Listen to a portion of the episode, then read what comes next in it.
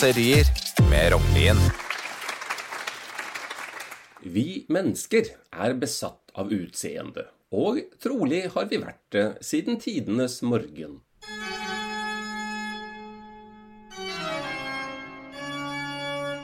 Men hvordan i all verden lykkes folk med å gjøre seg lekre for tusener av år siden?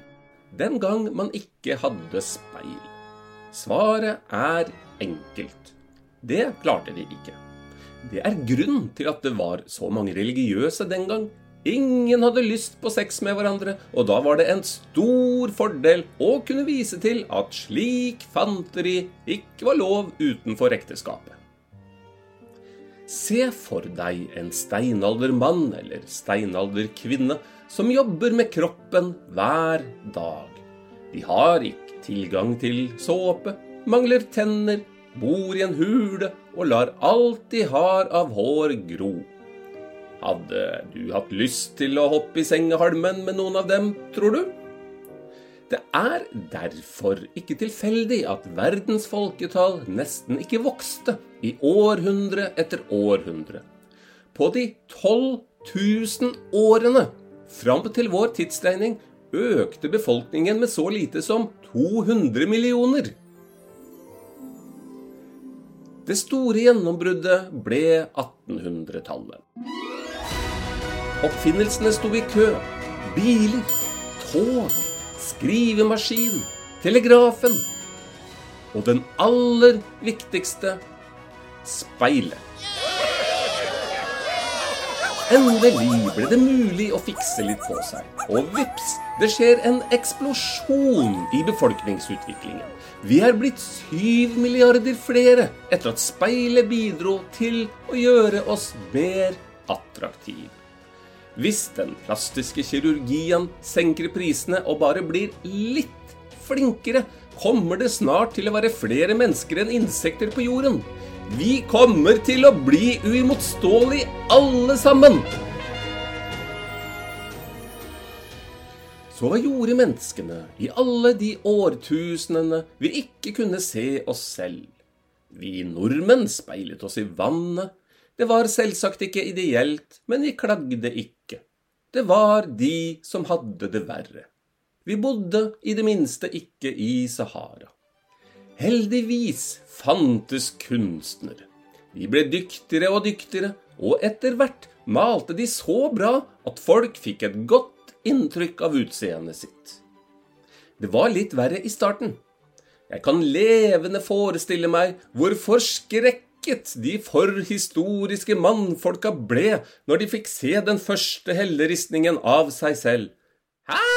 Er det sånn jeg ser ut? Ikke rart jeg ikke får pult!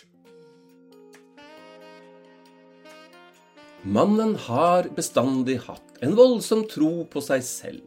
Det kan ha sammenheng med at vi altså ikke visste hvordan vi egentlig så ut før langt ut på 1800-tallet. Det er nok heller selvinnsikten det har skortet litt på. Og noen helleristninger var det også mer flatterende enn andre. Jeg tenker selvsagt på de figurene der kjønnsorganet var nesten dobbelt så stort som selve mannen. Helleristningen Begmimannen, som er hogget inn i Østfold fjell, er et slikt eksempel. Sannsynligvis var det et av verdens første selvportretter. Jeg vedder på at kunstneren holdt noen greiner over Begbymannen og bare lot de andre få en sniktitt hvis de hadde noe attraktivt de kunne bytte i retur. I dag, nå som vi er blitt så fine på det, kaller vi dette for bergkunst. Men la oss si, som sant var, østfoldingene fant opp verdens første pornoblad.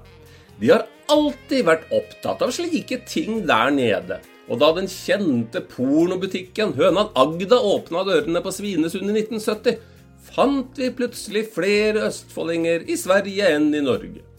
Noe like identitetsskapende hadde ikke de to gamle kranglefantene Fredrikstad og Sarpsborg hatt siden de sto rødmende i kø for snart 4000 år siden for å få et glimt av Begbymannen. Menneskets utseendefiksering har skapt et nytt problem. Etter to år med hjemmekontor har vi perfeksjonert hvordan vi fremstår på videokamera.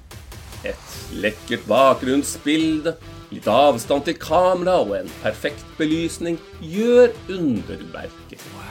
Selv flere av gutta har begynt å sminke seg litt. På en flekk oppgraderes vi 20% og ingen får øye på en hengemage eller en potetgullrumpe. Det er umulig å få disse tilbake på kontoret. Ikke snakk om at de har tenkt til å minne kollegaene sine på hvordan de egentlig ser ut. Jeg vil tro at kvinnene har fått med seg at mannfolk flest er ganske så opptatt av bryster, og det blir stadig flere som oppsøker en plastisk kirurg for å pusse opp frontpartiet.